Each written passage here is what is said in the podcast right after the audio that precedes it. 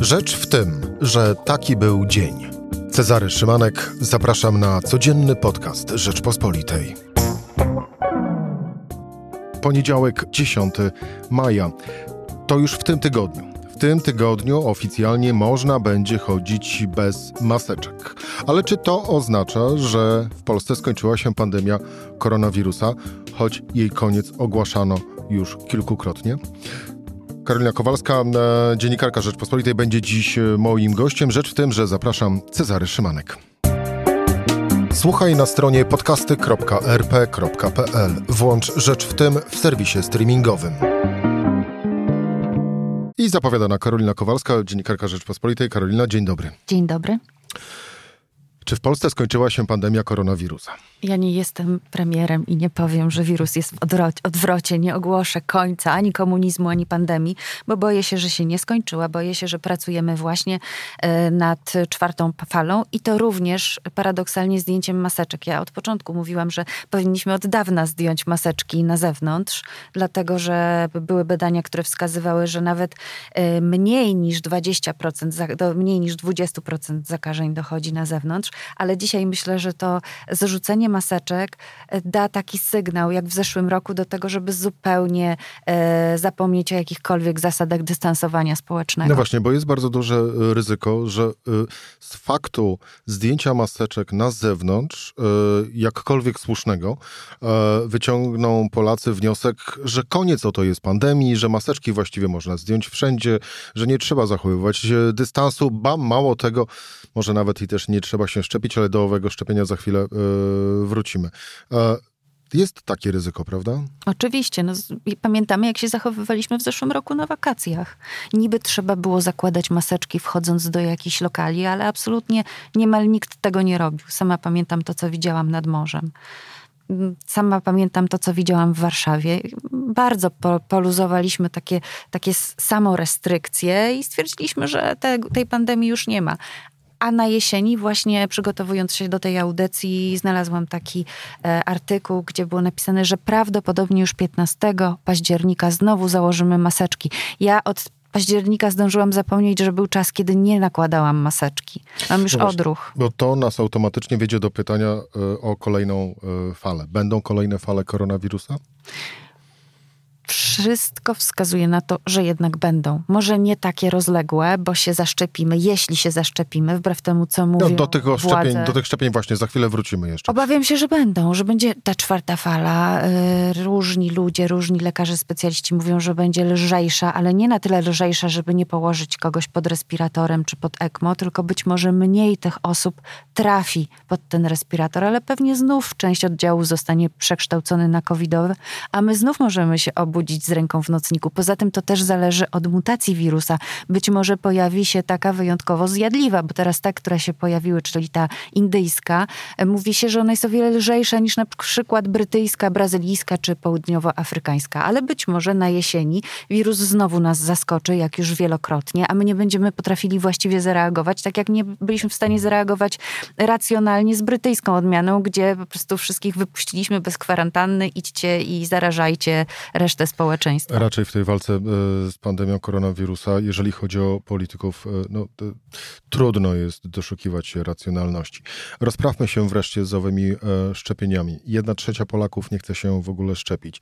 A bądźmy szczerzy, masowa akcja szczepień to jest z kolei powodzenie tego, aby nie było, albo przynajmniej by nie było takiej silnej kolejnej fali koronawirusa. Co z tym zrobić, żeby więcej Polaków się zaszczepiło jednak? Jedna trzecia się nie chce szczepić, a z kolei jak są tacy, którzy naprawdę chcą się zaszczepić, czyli to na przykład mogą. opiekunowie osób niepełnosprawnych, to jest okropny paradoks, taki bardzo okrutny i nazy- niektórzy naszą prawicę rządzącą dzisiaj nazywają prawicą darwinistyczną z tego powodu.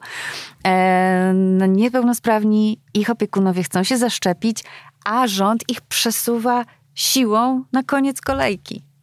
No to jest akurat niezrozumiałe. Ja, ja bym wszystkich, którzy chcą się zaszczepić dzisiaj, zaszczepiła. Nie robiła żadnych sztucznych ograniczeń. I tutaj to nie jest moja opinia, tylko bardzo wielu specjalistów. Korzystajmy z tych, którzy chcą się szczepić, bo zaraz nam wyjadą na wakacje i nie będzie im się po prostu chciało. To będzie troszeczkę jak z pójściem na wybory w zeszłym roku. No wielu chciało zmiany władzy, ale jeśli to kolidowało z wakacjami nad morzem, to niestety wy, wybory przegrywały. A co zrobić pozostałą, właściwie z pozostałą osobą? E, jedną trzecią, która szczepić się nie chce. Przekonywać, to jest te, te, teoretycznie, ja bym, y, jeżeli jedna ty, tylko trzecia się nie chce szczepić, a dwie trzecie się szczepić chce, no to bym y, stwierdziłabym, że ta, te dwie trzecie wystarczą, żeby uzyskać odporność populacyjną. Czyli dwie trzecie w połączeniu z tym y, z ozdrowieńcami i wtedy sumarycznie mamy odporność populacyjną. Moim zdaniem tak.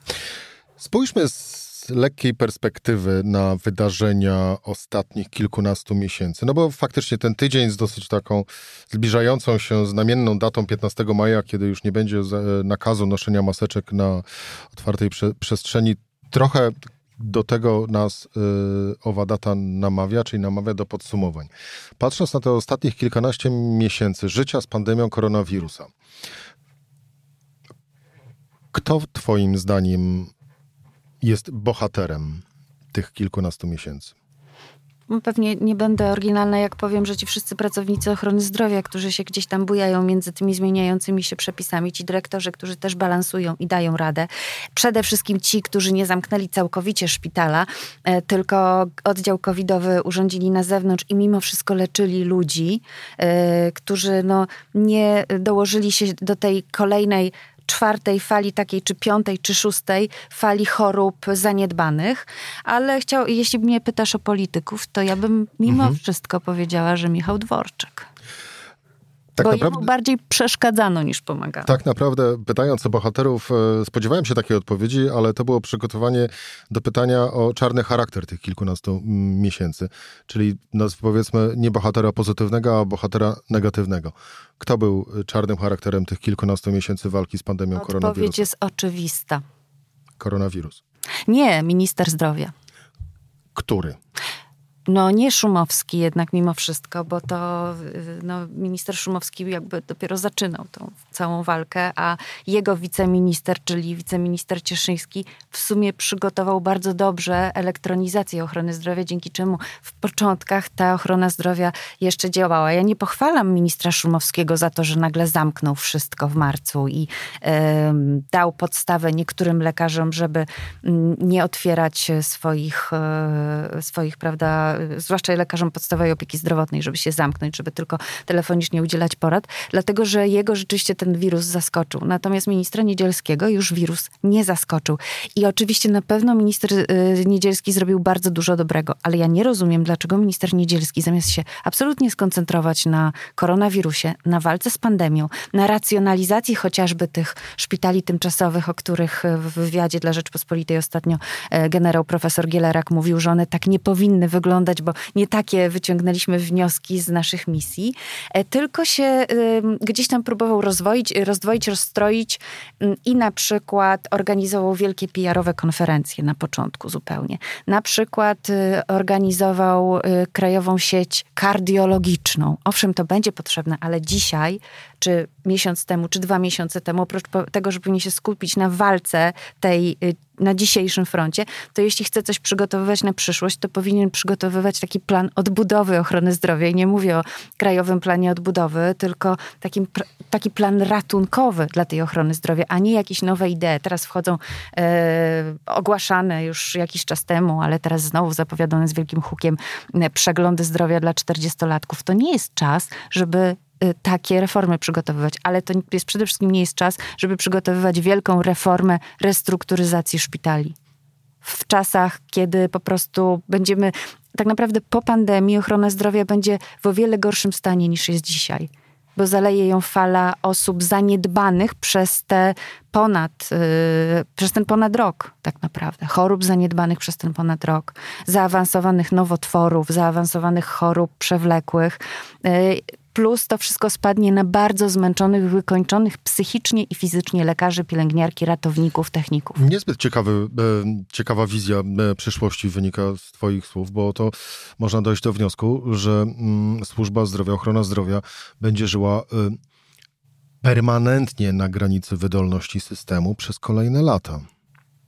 To, jest, to są wnioski z mojej wczorajszej rozmowy z lekarzem, zresztą byłym prezesem NFZ-u, więc to nie jest lekarz, który mm, ogląda to wszystko tylko od dołu jako wykonawca, ale też jako zarządca. Zarządzał szpitalem, zarządzał NFZ-em przez dłuższy czas, dr Marcin Pakulski, który przez ostatnie miesiące, ponieważ jest lekarzem chorób płuc, dyżuruje na oddziale covidowym. To jest człowiek, e, który jest doświadczonym lekarzem i ma dość mocną e, konstrukcję psychiczną, ale mówi otwarcie, że lekarze są wykończeni psychicznie, że oni byli e, w kwietniu, to co było, to był przedsionek piekła, że ludzie byli wykończeni, że bez przerwy stykali się ze śmiercią i y, oczywiście ci starsi lekarze mają większą odporność na takie widoki, ale to nie są też lekarze, którzy by pracowali na froncie.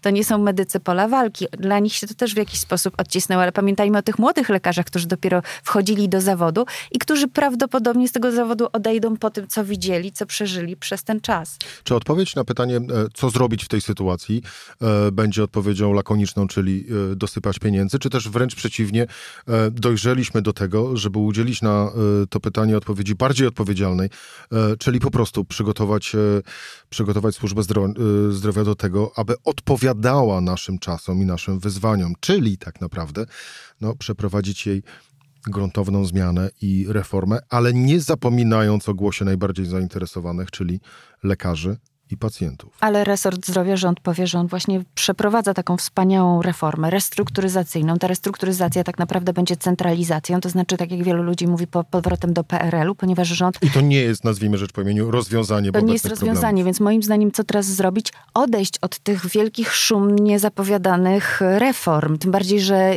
w 2017 wprowadziliśmy wielką, kosztowną reformę sieci szpitali. E, za mało czasu jeszcze minęło od tamtego czasu, żeby w ogóle móc oceniać jej efekty, a my już twierdzimy, że ona się nie powiodła i robimy następną reformę. I tak e, do kolejnego kryzysu ochrony e, zdrowia. Karolina Kowalska, e, dziennikarka Rzeczpospolitej. Dziękuję Ci bardzo za rozmowę. Dziękuję. To była Rzecz w tym w poniedziałek. Cezary Szymanek. Do usłyszenia jutro o tej samej porze.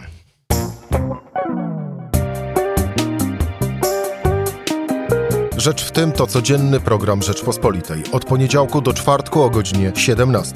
Słuchaj na stronie podcasty.rp.pl. Włącz Rzecz w tym w serwisie streamingowym.